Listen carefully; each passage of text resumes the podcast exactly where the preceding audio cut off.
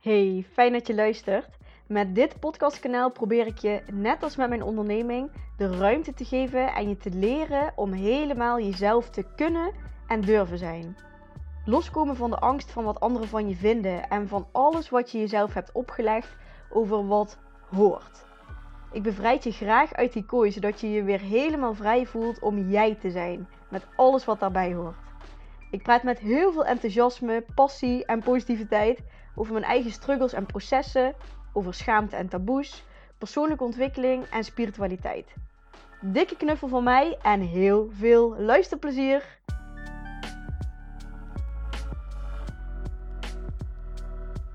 In deze aflevering ga ik je alles vertellen over mijn Cambo-ervaring. Want ik heb het niet één keer gebruikt, ik heb het drie keer gebruikt. Ehm, na de eerste keer voelde ik enorm de roeping om de maandcyclus af te maken, wat ook traditie is bij Cambo. Om het dan elke maand terug te komen, zeg maar, drie keer achter elkaar om de hele cyclus van de maand te volgen. Dus in deze aflevering ga ik je vertellen over die hele ervaring en ga ik je ook informatie geven over Cambo. Omdat ik merkte op Instagram dat heel veel mensen ook nog niet bekend waren met wat Cambo is en wat het voor je kan betekenen.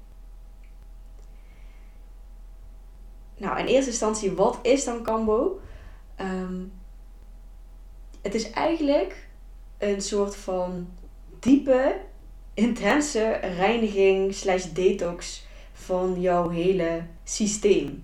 Dus zowel op fysiek gebied als emotioneel als ook ehm, systemisch uh, wat betreft familiebanden en energetisch.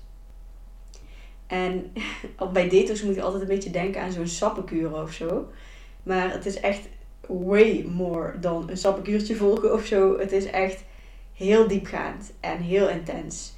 Want wat er eigenlijk gebeurt met een uh, kambo-ceremonie is dat er stipjes gebrand worden op specifieke plekken van je huid. En op die stipjes wordt kikkerslijm gelegd. Slijm van een boomkikker die in de Amazonegebieden leven en door inheemse stammen wordt dan dat slijm van een kikkertje afgehaald. En dat gebeurt op een hele eh, respectvolle, uh, diervriendelijke manier. Ehm, ze houden ook bij zeg maar, welke kikkers ze al gebruikt hebben.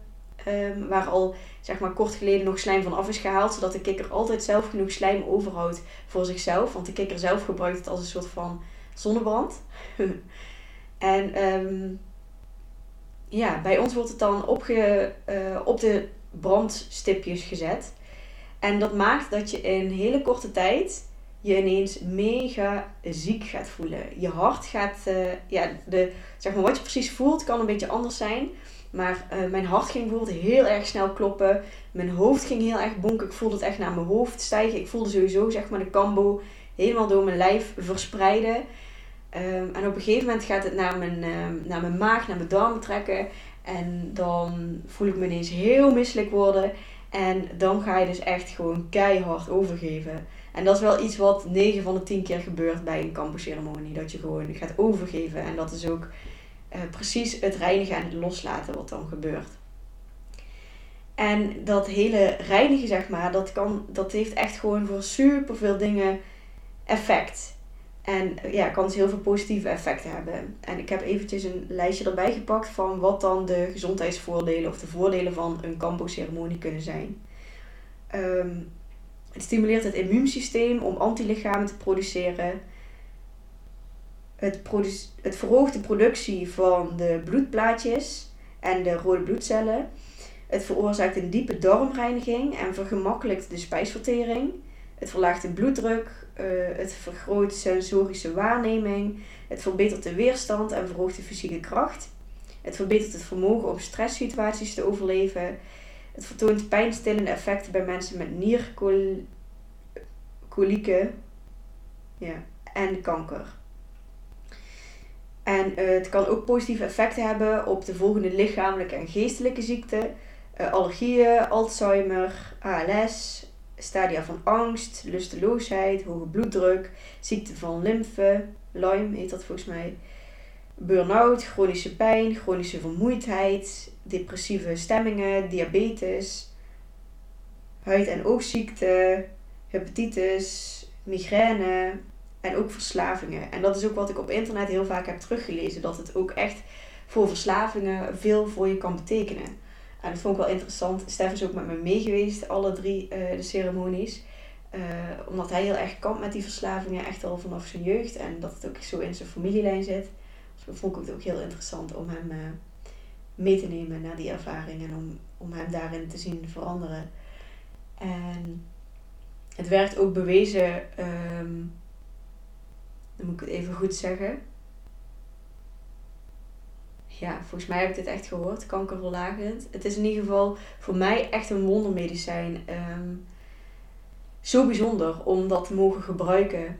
En mijn eigen intentie was eigenlijk om ja, echt meer op het gebied van emoties, energie, energetisch, om echt stukken nog meer los te laten. Dus nog minder in angst en stress te leven en nog meer in overgave en in vrijheid. Dat was denk ik wel de overall intentie die ik er zelf mee had.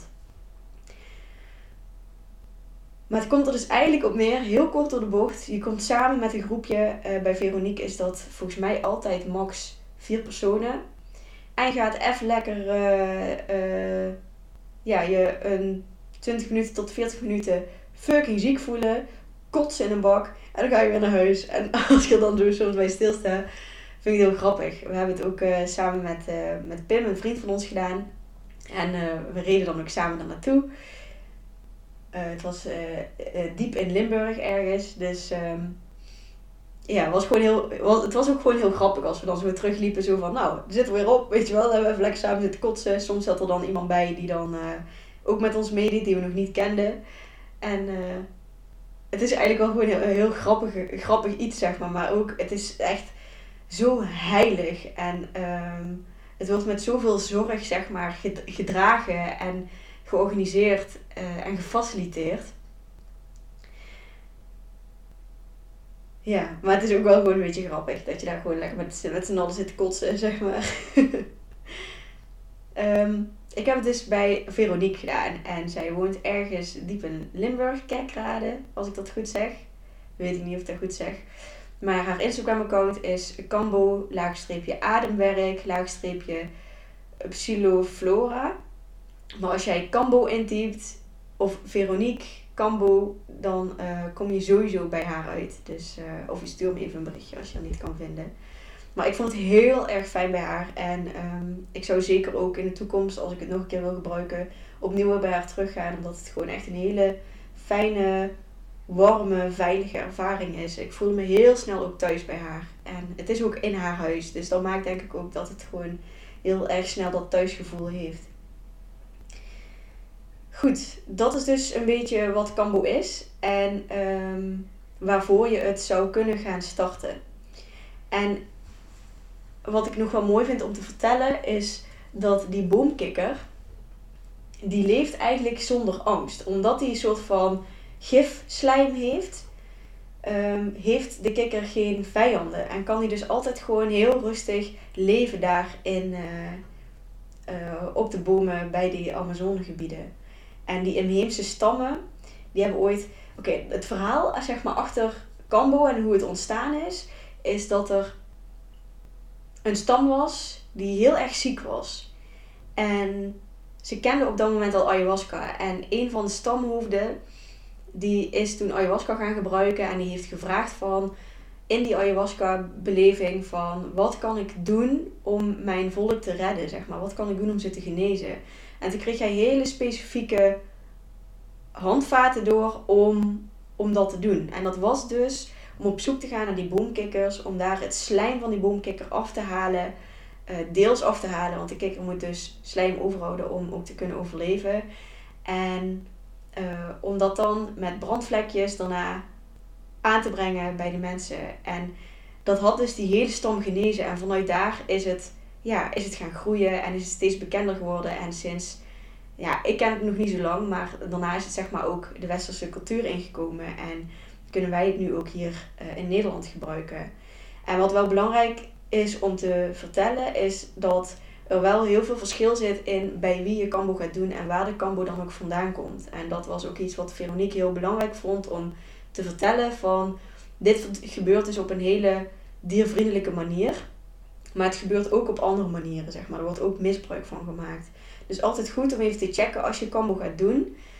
Om uh, te vragen van hoe die kambo dan naar Nederland is gekomen. En op welke manier dat gebeurd is. En bij Veronique legt het dus uit dat ze dan de kikker een soort van uh, vastbinden. En dat klinkt heel cruw. Um, om dan het slijm van de kikker af te halen deels. En om dan de kikker gewoon weer vrij te laten. Maar omdat de kikker dan even vastgebonden is geweest, heeft het een soort van, um, uh, ja, hoe noem je dat? Zo'n streamplekjes, zeg maar. Waardoor dan de volgende die kwamen heel goed konden zien van, oh, deze kikker is recent nog gebruikt, zeg maar, voor het slijm. Dus die laten we nu even met rust. Dus zo wisten ze, zeg maar, dat, um, ja, welke kikker nog even mocht herstellen en welke kikker wel klaar was om uh, wat, uh, wat kikkerslijm af te geven. Nou, ik heb het dus drie keer gedaan, de, de maandcyclus gevolgd. En wat ze dan zeg maar zeggen, wat het, wat het qua thema is voor alle drie de keren, is dat de eerste keer vooral heel fysiek gaat werken. De tweede keer vooral op emotioneel gebied. En de derde keer vooral op familiebanden, energetisch gebied. En bij Veronique, als je de kambo gaat gebruiken, dan zit er ook altijd vooraf uh, rapé bij. Dat is een soort van uh, heilig tabak en verschillende andere soorten kruiden ook weer uit die Amazonegebieden. Uh, die ingeschoten wordt in je neus. Dus met een soort van pijpje zit zij dan tegenover je en dan, dan blaas je in die pijp en daarmee krijg jij dat in je neus. En dat geeft echt direct een, uh, een werking en effect. En het is de bedoeling dat je daar uh, wat meer geaard van wordt, wat meer in het hier en nu komt. Um, ja, en heel helder voor geest bent. Dus dat is heel fijn om daarmee ook de kambo in te gaan. Dus dat wordt in alle twee de neusgaten gevoeld. En het grappige is dat als het in het ene neusgat gaat, dat je ook echt zo het ene deel van je lichaam iets voelt gebeuren. En als je de tweede pakt, dat dan het andere deel meegaat. Dat is echt, uh, ja. Dus dat hoort ook bij de uh, kambo-ceremonie, in ieder geval bij uh, Veronique. En achteraf kregen wij ook altijd, ik weet alleen niet hoe dat heel, heet, ook iets um, van die inheemse stammen. En dat was um, ja, een soort van druppels die je in je ogen kreeg. Wat fucking erg brandde. Echt heel erg gewoon pijnlijk branden. Maar dat duurt dan echt gewoon maar 30 seconden of zo. En, en dan trekt dat weer helemaal weg. En dat is om je zicht te verbeteren. En dat gebruikten ze daar altijd om uh, voor het jagen, zeg maar, zodat ze goed konden jagen. Dus dat is iets wat zij heel graag daar ook bij wilden geven en wat wij er ook bij kregen. Dus. Nou, dan ga ik je meenemen in mijn eerste keer. Wij kwamen daar dus lekker binnen. Um, iedereen had een eigen matje. Je neemt je eigen kussentje mee en je dekentjes. Dus als wij daar op straat liepen naar haar toe, zeg maar, dan wist iedereen al hoe laat het was. Als iedereen daar met slaapspullen aankomt, zeg maar. Um, en het emmertje stond ook klaar. En dat vond ik wel meteen zo heel opvallend dat ik dacht van oké, ja, er gaat gekotst worden. en ik kots eigenlijk zo goed als nooit. Ook niet als ik ziek ben. Ik moet mezelf dan vaak echt gewoon helpen om te kunnen overgeven. Um, dus ik was wel heel benieuwd hoe, hoe ik dat ging ervaren, zeg maar. Omdat ik het gewoon echt niet zo vaak doe. Gewoon, ja, keek daar best wel tegenop van hoe gaat dat dan zijn nou, er is in eerste instantie gewoon alle ruimte en tijd om aan te komen. Om even een korte sharing te doen met elkaar. Van waarom je, waarom je komt, wat je intentie is. Dat mocht je ook altijd, naast dat het een soort van beweegstuk uh, al heeft. Dus fysiek of emotioneel of familieband of energetisch. Mag je altijd nog zelf je intentie zetten van ja, wat je hoopt te bereiken met de Cambo-ervaring. Dus dat deel je dan ook met elkaar. Um, ja, en vanuit daar gaat het, uh, gaat het snel over naar de ceremonie. En dat is dus in eerste instantie met rapé. Nou, die eerste keer was echt enorm heftig voor mij. Ik heb ook één keer vaker rapé gebruikt. Dat was bij een uh, plantceremonie die ik had gedaan met plantmedicijnen. Uh, met paddo's, cacao en blauwe lotus. En op het einde van, de, van die reis als je daar trouwens meer informatie over wil, zeg maar over die ervaring, dan moet je aflevering 62 luisteren. Dan vertel ik alles over die ervaring met een hele um, reis die ik heb gemaakt, dus met die plantmedicijnen. Maar omdat het me niet zo goed lukte om daar uit te komen uiteindelijk, kreeg ik toen ook rapé toegediend. Om weer, zeg maar, dus in het hier en nu te komen en weer dat geaarde te voelen. Maar dat had op mij, dus daar kwam ik nu achter, had dat op mij hele andere effecten. Want ik werd daar juist heel licht van en heel, uh, ja, zweverig ook wel een beetje. En ik moest toen ook overgeven. Ik dacht dat dat eigenlijk vooral kwam door, ja, gewoon door de hele ceremonie, zeg maar. Maar wat dus gebeurde bij de eerste keer Cambo, is dat eigenlijk precies hetzelfde gebeurde. Dus ik voelde me heel licht, ik voelde me heel ziek. Ik trok helemaal wit, blauw, paars weg, uh, zei, Pim toen ook later tegen mij. Ehm, ik kon niet echt praten. Ik kon naar mijn idee niet echt zeg maar, opstaan om naar de wc te gaan. Oh, het, was, ja, ik vind dat, het voelde heel naar eigenlijk. Ik moest ook uh, overgeven van de rapé. En um, ja, ik weet dus niet zo goed of het deels al, want het kan ook zijn omdat je zo'n intentie zet en je gebruikt rapé, dat er dan al van alles op gang kan. Dus Veronique die schokt daar niet echt van, want die ziet dus vaker dat mensen bij de rapé al moeten overgeven, omdat er dan al dingen loskomen. Maar mij deed het wel herinneren dus aan die plantmedicijn uh, ceremonie. En dat ik toen hetzelfde had en dat ik dacht van jeetje, wat heeft dat een heftig effect op mij, die rapé. Um, eigenlijk ook niet echt het effect wat uh, wat de meeste mensen daarmee krijgen. Dus dat het heel adend werkt en dat je er heel helder van wordt. Want ik word er gewoon helemaal. Ik ga gewoon helemaal van het padje daarvan, zeg maar. Dus de andere twee keren heb ik ook gevraagd om een andere rapé te mogen. Er zijn wel meerdere rapés in huis. Dus eentje die ja, volgens mij nicotinevrij was en ook tabakvrij misschien wel. Dat weet ik eigenlijk niet zeker. In ieder geval, die viel veel fijner, veel zachter. Het was ook meer vrouwelijke energie die in die rapé zat. En daar ging ik veel beter op. Maar goed, die eerste keer had ik dus die rapé. En ik heb ook nooit gerookt. Nooit, zeg maar. Nooit iets in mijn neus gehad ook. Dus het kan ook daarom zijn dat ik zo heftig daarop reageer. Nou, dat zat erop. Ik had echt even tijd nodig om daarvan bij te komen. De mannen moesten daarom ook even op mij wachten. Uh, voordat we verder konden. Omdat ik gewoon echt niet in staat was om, zeg maar, de kambo toe te gaan dienen. We zaten er echt zo, gewoon zo super recht op. Gewoon klaar, klaar om uh, ziek te gaan worden, zeg maar, bij. En ik was echt helemaal KO gewoon. Maar goed, uiteindelijk zakte het een beetje en werden de brandpuntjes aangelegd. Bij mij gebeurde dat op mijn been. Kreeg ik vijf stipjes gebrand. Op mijn onderbeen, bij mijn enkel. En bij de mannen was dat op de bovenarm. En dat is eigenlijk altijd de eerste keer dat je het gaat gebruiken. Oh, trouwens, ze deed eerst Oh, nee, nee, ze ging eerst alle stipjes branden, ja. En dat doen ze bij de vrouwen op de been, zodat de vrouw iets meer tijd heeft om te wennen aan de kambo in je lichaam. Omdat het dan langer duurt voordat het bij je hart is. En zodra het bij je hart aankomt, dan gaat het pompen natuurlijk door je hele bloedsysteem. En dan, dan ga je heel erg uh, die effecten door je hele lijf merken. En bij mannen wordt het dus op de bovenarm gedaan, zodat het wel eerder bij het hart komt. En dat mannen dat schijnbaar meer aankunnen. Nou, dus ik kreeg die stipjes gebrand. Dat deed ze één voor één bij ons. En vanuit daar kwam ze dan bij allemaal één stipje zetten om te checken wat dat dan met je deed. Dus dat je lichaam eventjes uh, eraan kon wennen. Even checken van wat gebeurt er als je die kampen toegediend krijgt. Uh, Stef heeft bijvoorbeeld dan diabetes type 1. Dus voor hem was het ook even checken van wat gebeurt er dan. Uh, van tevoren was dat natuurlijk ook al allemaal besproken. En ook de medicatie die hij daarvoor gebruikt besproken. Dus zij was al helemaal gewoon up-to-date. Maar ze wilde ook gewoon, ja, normaal bij normale mensen. Normale mensen, wat zeg ik nou? Zeg maar, mensen zonder uh, ziektes, zeg maar, wil ze dat gewoon checken. Maar dat is bij hem ook gewoon van, ja, wat gebeurt er als ik één stipje aanbreng? En als het dan gewoon goed gaat, oké gaat, dan worden er meerdere puntjes aangebracht. In eerste instantie drie puntjes. En daarna kunnen dan nog twee puntjes bijgezet worden. Dus totaal volgens mij maximaal vijf. Ik weet niet, misschien dat ze ooit wel eens vaker uh, meer heeft gedaan. Maar bij ons, bij alle ceremonies, was het maximaal vijf. En ja, dan, dan ga je zitten. En dan is het stil. En dan is het wachten. Goed blijven ademen.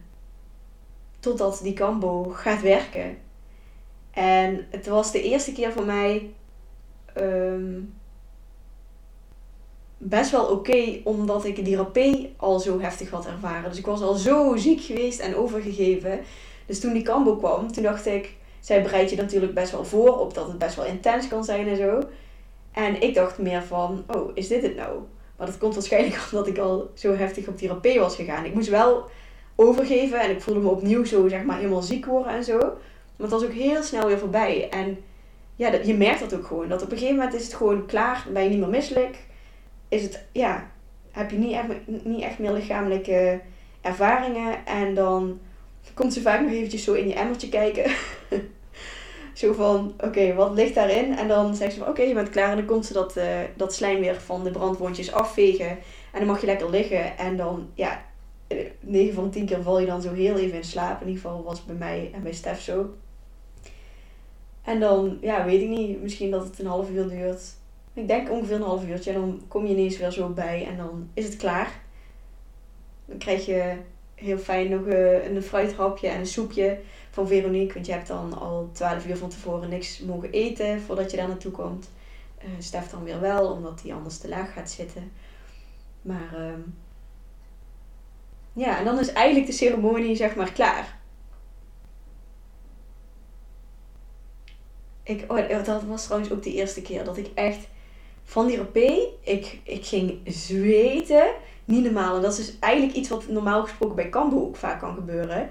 Dat het gewoon echt, oh, het drukte gewoon van mijn gezicht af. Echt, ik heb nog nooit zoveel gezweet. Dat was ook wel echt heel bijzonder. Maar verder was het dus gewoon, ja, Kambo viel eigenlijk wel mee. Ik, werd, ik werd ziek, ik ging overgeven en ik ging liggen en ik voelde me daarna gewoon kip lekker. En het grappige is wel dat je echt aan, de, aan het overgeefsel ziet dat het echt heel anders is als hoe je normaal zou overgeven. Dus de eerste keer was mijn kleur, zeg maar, van het overgeefsel was echt gewoon gifkleur. Gewoon oranje-geelzig. Echt heel heftig. En ja, omdat je dan niet gegeten hebt, is het ook gewoon echt alleen maar een soort van waterachtige instantie. Dus dat vond ik ook heel vet om te zien. Dat ik echt dacht van, oh, er is echt iets uit mijn lijf gewoon. Ik zie het gewoon. Dus dat geeft echt zo'n bevestiging ook. En bij Stef had het de eerste keer ook echt zo'n grijze kleur. Dat was ook echt heel bizar. Nou, de tweede keer, vier weken later, kwamen we nou weer aan met onze kussentjes en dekentjes. En um, toen zat ik dus heel erg te twijfelen van, ga ik nog een keer die rapé zo ervaren? Om nog echt 100% zeker te weten van, dit is gewoon te heftig voor mij. Of ga ik toch al vragen naar een andere rapé. Want ik wist dat zij er meerdere in huis had. En ik zat daar de hele tijd zo over te piekeren en over uh, heen en weer te wegen in mijn gedachten. En op een gegeven moment dacht ik, oké, ik ga gewoon, zodra zij de vraag stelt van wil je rapé, ga ik gewoon dan het eerste wat in me opkomt uitspreken. En dat was dus van, want ik zat ook nog te twijfelen tussen niet een andere rapé of toch nog een keertje die rapé proberen. Toen heb ik uiteindelijk gekozen voor die andere rapé dus, die meer vrouwelijke energie had. En ehm, ja, volgens mij dus nicotinevrij is en zonder tabak. En dat viel veel fijner. Dus ik kreeg die toegediend. De ceremonie verliep weer een beetje hetzelfde. Ehm, ik voelde me rustig. Ik voelde me helemaal ja, een beetje soort, soort zen en liefdevol gevoel. En ook heel erg geaard. Dus toen dacht ik van oké, goed dat ik deze rapé heb genomen, want nu krijg ik het effect wat het eigenlijk zou moeten hebben. Nou, toen. Even kijken. Ja, trouwens ook wel, dat denk ik nou ineens aan. Elke keer trok je ook een kaartje en er stonden echt ook gewoon zo'n zieke boodschappen op elke keer. De eerste keer was mijn kaartje, de tekst. Wat er ook gebeurt, mezelf laat ik in ieder geval niet meer in de steek. En dat was wel een hele mooie, omdat ik best wel gespannen was voor het ziek worden van de kambo en wat er dan allemaal gebeurt en zo. En toen had ik ook zoiets van: oké, ja, wacht, ik heb altijd mezelf. Ik heb altijd mezelf. Weet je wel, dat, wat er ook gebeurt, dat laat ik, dat, dat laat ik niet meer los. Dat, dat raak ik niet meer kwijt. En de tweede keer was ehm, mijn intentie ook op emotioneel gebied dat ik merkte dat ik ehm, dus best wel vaak in angsten kon zitten. Of ehm, ja, in ieder geval dat ik me nog vrijer en angstvrijer, zorgelozer, meer een overgave wilde voelen. En ik vertelde ook dat ik de afgelopen weken, dat ik toen best wel. ehm, dat ik het idee had dat er een kindpijn naar boven aan het komen was. Maar dat ik nog niet helemaal de grip op had, zeg maar. Dat ik nog niet zo goed wist wat dat allemaal precies was. Maar dat ik dus het idee had dat er, dat er wel iets te doen was op het gebied van kindpijn. En ik trok een kaartje en er stond op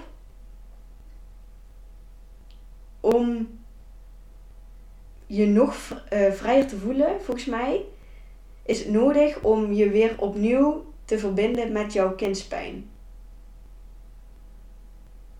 Zoiets stond erop. En toen dacht ik echt, nou, ik heb hier echt net over verteld. Dat was echt heel bijzonder. Eh, en met die intentie ging ik dus ook die kambo in. Dus ik had therapie gehad en ehm, ik kreeg deze keer mijn stipjes op mijn bovenarm, omdat ik dus al een keertje had ervaren. De mannen kregen hem toen op het hart. Je mag sowieso ook altijd zelf weten waar je de stipjes wil zetten, maar dat is dan een beetje de suggestie. Die hadden we toen ook allemaal gewoon gevolgd. Dus de mannen kregen stipjes op het hart, ik eh, op mijn bovenarm. En ja, die keer was de kambo heftiger. En ik weet dat ik best wel moeite had om ook uh, ermee te zijn. Als in, ik wilde, ik merkte echt dat mijn lichaam wilde escapen. Een soort van weg wilde van de pijn, zeg maar. Ik was echt weerstand aan het bieden. En ik vond het heel moeilijk om mezelf over te geven eraan. Maar dat is het mooie aan Kambo. Uh, het is niet echt dat je er weerstand tegen kan bieden. Het gebeurt. Het overkomt je gewoon. En dat overgeven ook, zeg maar. Dus ik zat echt zo... Ik probeerde mezelf ook elke keer zo te vertellen van... Het is oké, Veronique is hier. Als zij iets ziet wat niet normaal is, dan gaat ze meteen inspringen. Um, je hebt het al één keer vaker ervaren. Het, is, het duurt maar max 40 minuten. Um, de vorige keer was je er zo vanaf. Dus ik probeerde echt mezelf zeg maar rustig te praten. Maar ik merkte gewoon dat ik echt heel erg in, ja, toch wel in, in angst zat. Is dat dan eigenlijk. Dat je gewoon niet weet wat er gaat gebeuren. En dat je gewoon echt niet denkt te kunnen handelen met de pijn en het zieke gevoel wat je dan krijgt. Nou, uiteindelijk waren we weer klaar. Voelde ik me weer kip lekker. Helemaal opgelucht, helemaal opgeschoond. Ik heb eigenlijk alle drie de keren ook gehad dat ik me dan zo super goed voel. En dan komen we de auto in. En dan werd ik gewoon steeds een stukje moer. En elke, alle drie de keren ben ik gewoon echt, heb ik echt veel geslapen daarna. Ja. Echt helemaal alsof je lichaam helemaal moet bijkomen van dat harde werken, zeg maar. Dat was de tweede ervaring. Die ging heel erg over die kindspijn. En bij deze ervaring merkte ik vooral daarna, zeg maar, in de dagen en weken daarna, hoeveel effect het had. Want bij Stef, zeg maar, was op emotioneel gebied speelde al heel erg die uh, onzekerheden en die trauma's op het gebied van uh, vreemdgaan en verlating. En die speelden dus bij hem echt direct naar de kambo meteen helemaal op. En dus ik merkte ook gewoon zo van, hé, hey, dit doet ook iets met Steffens systeem, zeg maar. Van, dus niet, het voelde wel heel erg als, als dat het zo hoorde te zijn dat dat gebeurde, zeg maar. En tegelijkertijd bij mij werd ik echt volledig geraakt in uh, kindpijn. Dus ik voelde me, omdat hij zo in die angst zat, zeg maar, voelde ik me echt totaal niet, niet gezien. En had ik echt het gevoel alsof ik het niet goed kon doen. En dat ik niet erkend werd dus in de persoon die ik was. Um, omdat hij dan ook zeg maar, vanuit zijn trauma dingen kon verwijten naar mij die ik helemaal niet, niet waar vond, zeg maar, qua vreemdgaan of uh, um, dat ik, dat ik uh, met anderen aan het flirten was of verliefd was of wat dan ook, zeg maar. Ik, ja, ik voelde me niet erkend en gezien in wie ik werkelijk was en ook wat ik gewoon voor hem voelde. Dus bij ons alle twee was er echt gewoon, kwam er echt vet veel los. En dat waren echt intense weken, heftige weken. Maar ik had wel elke keer zoiets zo van: oké, dit is de combo, dit, is, dit, hoort nu zo te zijn, dit gaat ons verder brengen. Ja, maar het was ook fucking heftig. Nou goed. Toen vorige week was het de derde keer en die was vooral op het gebied van familiebanden en energetisch. En op dat moment zei ze ook tegen mij van hoe is het eigenlijk met je huid? Want dat was de eerste intentie van mij, dat ik echt, zeg maar fysiek, dat ik hoopte dat het uh, verbetering ging hebben op mijn huid. En op mijn energieniveau ook. Zo van, nou dat is mooi meegenomen als ik daar nog meer uit kan halen. En toen dacht ik ook van, wow, ja, het gaat ook echt beter met mijn huid. Dus dat was ook wel eh, even een mooi besef. Maar die derde keer kwam ik dus binnen met de intentie, ja, familiebanden energetisch gericht, dat ik me soms nog wel een beetje geremd voel in uh, hoe ik wil leven en wat mijn visie is in het leven, omdat ik daar heel anders in sta als mijn omgeving en dus ook mijn gezin. Dus hoe ik zeg maar probeer zoveel mogelijk te leven met zo min mogelijk geld en eigenlijk zoveel mogelijk back to basic met ons huisje op wielen, wat we aan het uh, realiseren zijn. En uh, leven in community en wat kleiner wonen en één grote ruimte hebben waar we dan gezamenlijk gebruik van kunnen maken. Ons eigen voedsel zoveel mogelijk zelf kweken en vooral lekker in vrijheid leven en niet te veel hoeven werken voor geld, zeg maar. Die visie die heb ik gewoon heel erg. En mijn ouders die, ja, die komen gewoon van een andere generatie, dus die vinden dat best wel moeilijk om, denk ik, om daar um, ja, helemaal in mee te bewegen. Dus ik voel me dan heel snel ook onbegrepen en dat kan me soms dan een beetje remmen in dat ik dan in alle vrijheid deel waar ik ben, waar ik sta en wie ik ben. Ehm, ja, omdat ik dan toch. Ik merk ook gewoon in mijn eigen overtuigingen dat ik dan soms gewoon overtuigingen van hun overneem die vooral op angst en tekorten gericht zijn en niet op overvloed en vertrouwen. Wat ik wel heel erg voel dat ik daar meer in mag zitten, omdat ik gewoon echt geloof dat de wereld anders kan zijn dan waar we nu in zitten. Dus goed, het leek me een mooie intentie om daarmee de combo in te gaan. Je mocht weer kiezen waar je de plekjes wilde zetten. Ehm, de derde keer kan op je chakras gezet worden, dus op jouw rug worden dan op de chakrapunten de stipjes gezet. Um, ik voelde heel erg dat ik deze bij mijn hart wilde doen. Omdat ik dacht, ja, als ik nog meer in die hartenergie kom en nog meer met liefde naar alles en iedereen in de hele wereld en mezelf en zeg maar kan kijken, dat dat dan heel erg uh, helpvol kon zijn voor mij. Dus ik wilde de stipjes op mijn hart hebben. En de mannen hadden ervoor gekozen om hem dan op de chakra-punt te zetten. Nou, we hadden de rapé weer gekregen. Ik heb weer opnieuw die uh, andere rapé. En ik voelde me vet zen. Ik voelde me zo fijn. Uh, was ook wel mooi. De andere twee keren was het elke keer dat ik net tegen mijn menstruatie aan zat met de kambo. Dus dat ik daarna echt naast dat ik zeg maar met de kambo veel los ging laten, ook ging menstrueren. En deze keer zat mijn menstruatie net anders. Was ik wat eerder gaan menstrueren, waardoor ik net uit mijn menstruatie kwam. Dus ik voelde me ook een stuk gegronder en sterker. En ja, ik zat natuurlijk midden in mijn lente. Dus dat was ook een heel ander gevoel waarmee ik die kambo inging. Dus ik voelde me heel zen, heel kalm, heel liefdevol. Ehm, en toen kreeg ik dus die drie stipjes op mijn uh, gebrande puntjes bij mijn hart. En de mannen zeiden van tevoren nog zo van, ja Romy, als je bij je hart uh, gaat doen, dan, uh, dan ga je meemaken, weet je wel. Hun hadden echt hele heftige ervaringen gehad met die vorige keer. Dus uh, ik dacht, nou oké, here we come, weet je wel. Het gaat direct door je hart pompen, direct door je lijf heen. Ik ben heel benieuwd wat dit gaat doen. En het mooie is van deze keer dat ik me echt super, dat ik zo vertrouwen had. Gewoon in het medicijn, in die kambo, maar ook gewoon in mezelf. En dat was gewoon heel lekker. Want ik had die kambo in mijn lijf. Ik ging gewoon lekker zitten. Ik ging diep ademen. Ik voelde van alles gebeuren in mijn lijf. Maar ik kon gewoon helemaal... Waar ik de vorige keer dus probeerde mezelf te gerust te stellen met die gedachten. Lukte dat nu super goed. Ik had echt zo... Ik voelde me echt zo helemaal één met de natuur. Zo van kom maar kambo. Kom maar kikkertje. Kom maar in mijn lijf. Ga maar naar die plekken waar je naartoe mag gaan. En het is helemaal oké. En... Um, en dit duurt maar even en dadelijk voel ik me fijn. En ik, was, ik voel me echt vet rustig. Ik hoefde ook niet over te geven, zeg maar. Ik, ehm, dus alles gebeurde weer een beetje hetzelfde zo. Die kloppingen in mijn hoofd en die pompen van mijn hart. En ja, dat je gewoon een soort van wit voelt wegtrekken. En dan begon een beetje dat misselijkheidsgevoel op te komen. Maar echt het overgeven lukte niet. Op een gegeven moment dacht ik van...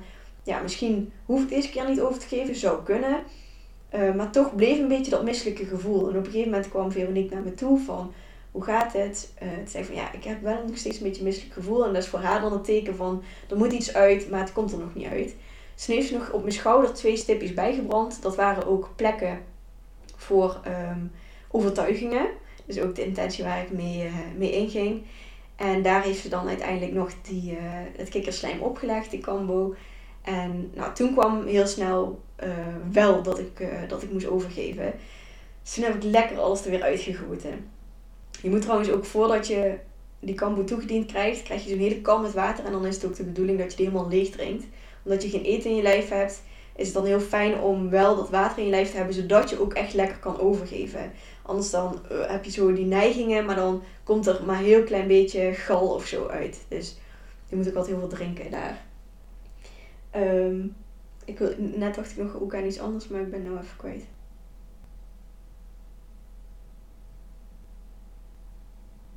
Ja, nou goed. Ehm, dus deze was echt super mild, liefdevol, zacht. En het overgeven was ook gewoon een hele fijne opluchting. Hij was heel erg zuur deze keer. Dat viel me wel op. Ehm, ja, daarna voelde ik me weer kip lekker. Koetje weer weggegooid in de wc. Uh, knuffeltje gegeven. Eeuw, groetjes, weet je wel. Zo grappig hoe dat dan eigenlijk weer gaat. Kom je daar even kotsen en dan ga je weer naar huis. Um, weer vet, veel zitten slapen. Wij kwamen thuis, hebben wat gegeten. En we hebben gewoon alle twee, Stef en ik, 15 uur aan één stuk geslapen. We zijn gewoon om 4 uur middags of zo in slaap gevallen. Niet eens meer avond gegeten. En de volgende ochtend werden we wakker. Echt intens. En ik ben heel benieuwd hoe het zich nu, zeg maar, um, energetisch familiebanden gericht nu nog verder gaat ontvouwen. Wat me wel opvalt is dat er veel gesprekken zijn thuis nu. En dat ik me ook, uh, dat ik me ook weer iets meer uitspreek of zo thuis. En dat ineens morgen heeft eh, Charlotte, waar ik vaker familieopstellingen bij doe, Charlotte Cederel op Facebook of uh, op Instagram, ook Facebook trouwens. Maar die geeft weer een uh, familieopstellingen. En daar gaan wij dus bij zijn. Last minute vroeg ze nog zo van: hey, hebben jullie misschien uh, zin om te komen? En daar gaan we dus naartoe. Dus dat vind ik wel heel mooi dat dat nu deze week gebeurt. Dat we weer dus echt met familieopstellingen ook bezig zijn. En daarnaast merk ik ook gewoon in, bij Stef deze week ook dat zijn vader op bezoek kwam. En die woont heel veel weg. En er is heel veel in gebeurd ook. En die hadden ook onze podcast samen geluisterd. En dan wilden ze nog op terugkomen. Op bepaalde dingen die Stef had uitgesproken, zeg maar. Om hem ook te laten weten dat hij gewoon uh, er zo bij hoorde voor hun idee. En dat zijn vader hem zo gemist heeft in de tijd dat hij bij zijn moeder is gaan wonen. En afscheid had genomen van zijn vader. En uh, ja, was gewoon heel emotioneel. En gewoon heel mooi voor mij, zeg maar, om dan bij te zitten. En ja, voor mij voelt dat gewoon heel erg als wauw, dat dit nu gebeurt. Zo bijzonder dat dat dus echt gewoon echt dat familiebandenstuk is. Uh, heel veel verleden stukken, dingen, herinneringen komen nu naar boven bij Stef. Dus ik vind, bij hem kan ik heel erg zien van wat er allemaal aan het gebeuren is met die kambo. Bij mij nog iets minder, maar misschien dat dat nog uh, gaat komen. De vorige keer kon ik het in ieder geval elke keer wel heel erg weer leiden van, oh, dit is echt die kambo. Ja. En vanaf nu is het zeg maar um, ik sluit niet uit dat ik het nooit meer ga gebruiken. Voor nu ben ik er wel even klaar mee met het kotsen. maar het is denk ik gewoon voelen wanneer je de roeping voelt. Wanneer de, de kambo je weer gaat roepen. Zoals dat ook bij ayahuasca vaak gebeurt. En wanneer dat zo is, dan zal ik het weer een keertje gaan doen. En dan ga ik denk ik weer lekker terug naar Veronique. Omdat ik het daar heel fijn ervaren heb. Dus het is iets wat je zeg maar... Um, elk seizoen bijvoorbeeld zou kunnen doen. Je zou het elke maand kunnen doen. Um, zij deed het volgens mij dus elke, elk seizoen, dus ongeveer vier keer per jaar zelf. Je kan dus ook gewoon eenmalig één keer doen. Je kan dus die maandcyclus net als mij volgen, dat je drie keer gaat doen. Het heeft mij in ieder geval echt heel veel gebracht. En ik heb echt het idee dat ik uh, nog dichter bij mezelf ben gekomen. Nog meer mezelf vrijer voel, energieker voel. Um, nog minder angsten heb. Dat is ook wel echt heel fijn om te voelen. En dat is dus ook echt iets wat schijnbaar heel erg werkt dus. Dat het heel erg op je angsten werkt. Omdat die kikker dus zo angstvrij leeft. Omdat hij geen vijanden heeft. Geen natuurlijke vijanden. Dus dat is ook echt iets wat, wat wel echt ook bij kan behoort. Dat het jou uh, je angsten kan verminderen. En dus ja, verslavingen. Maar ook echt uh, chronische ziektes. Waar mensen echt heel veel baat bij kunnen hebben. Dus dat is echt heel bijzonder, heel mooi. Ja. En zij, uh, haar uh, partner, vriend, man, weet ik eigenlijk niet. In ieder geval partner. Die was dat laatste keer ook bij van Veronique, David. En die geeft dus ook allemaal reizen, ceremonies. En voornamelijk ayahuasca. En dat was ook wel mooi, want Stef en ik hadden heel erg dat we dat ook wilden gaan doen. Misschien in het najaar, volgend jaar. Of in het voorjaar volgend jaar trouwens. En uh, wij waren dus nieuwsgierig, want we wisten dat zij dat deed. Van hoe zit dat dan allemaal in elkaar? En de laatste keer was haar vriend dus er ook bij, bij de Cambo. Uh, die was mee aan het begeleiden. En dat is wel heel mooi, want toen konden we dus ook meteen vragen van hoe doen jullie dat dan? En um, met hoe grote groepen en hoe gaat dat dan? Is het eenmalig of doen jullie meerdere dagen? Kon hij dus lekker alles uitleggen, omdat hij dat voornamelijk dus geeft. En Veronique vooral daarbij is als um, uh, ondersteuner.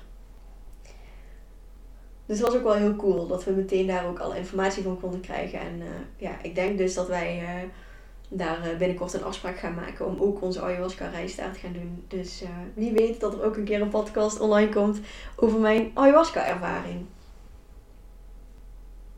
Nou, dat is denk ik alles wat ik erover ga, kan vertellen.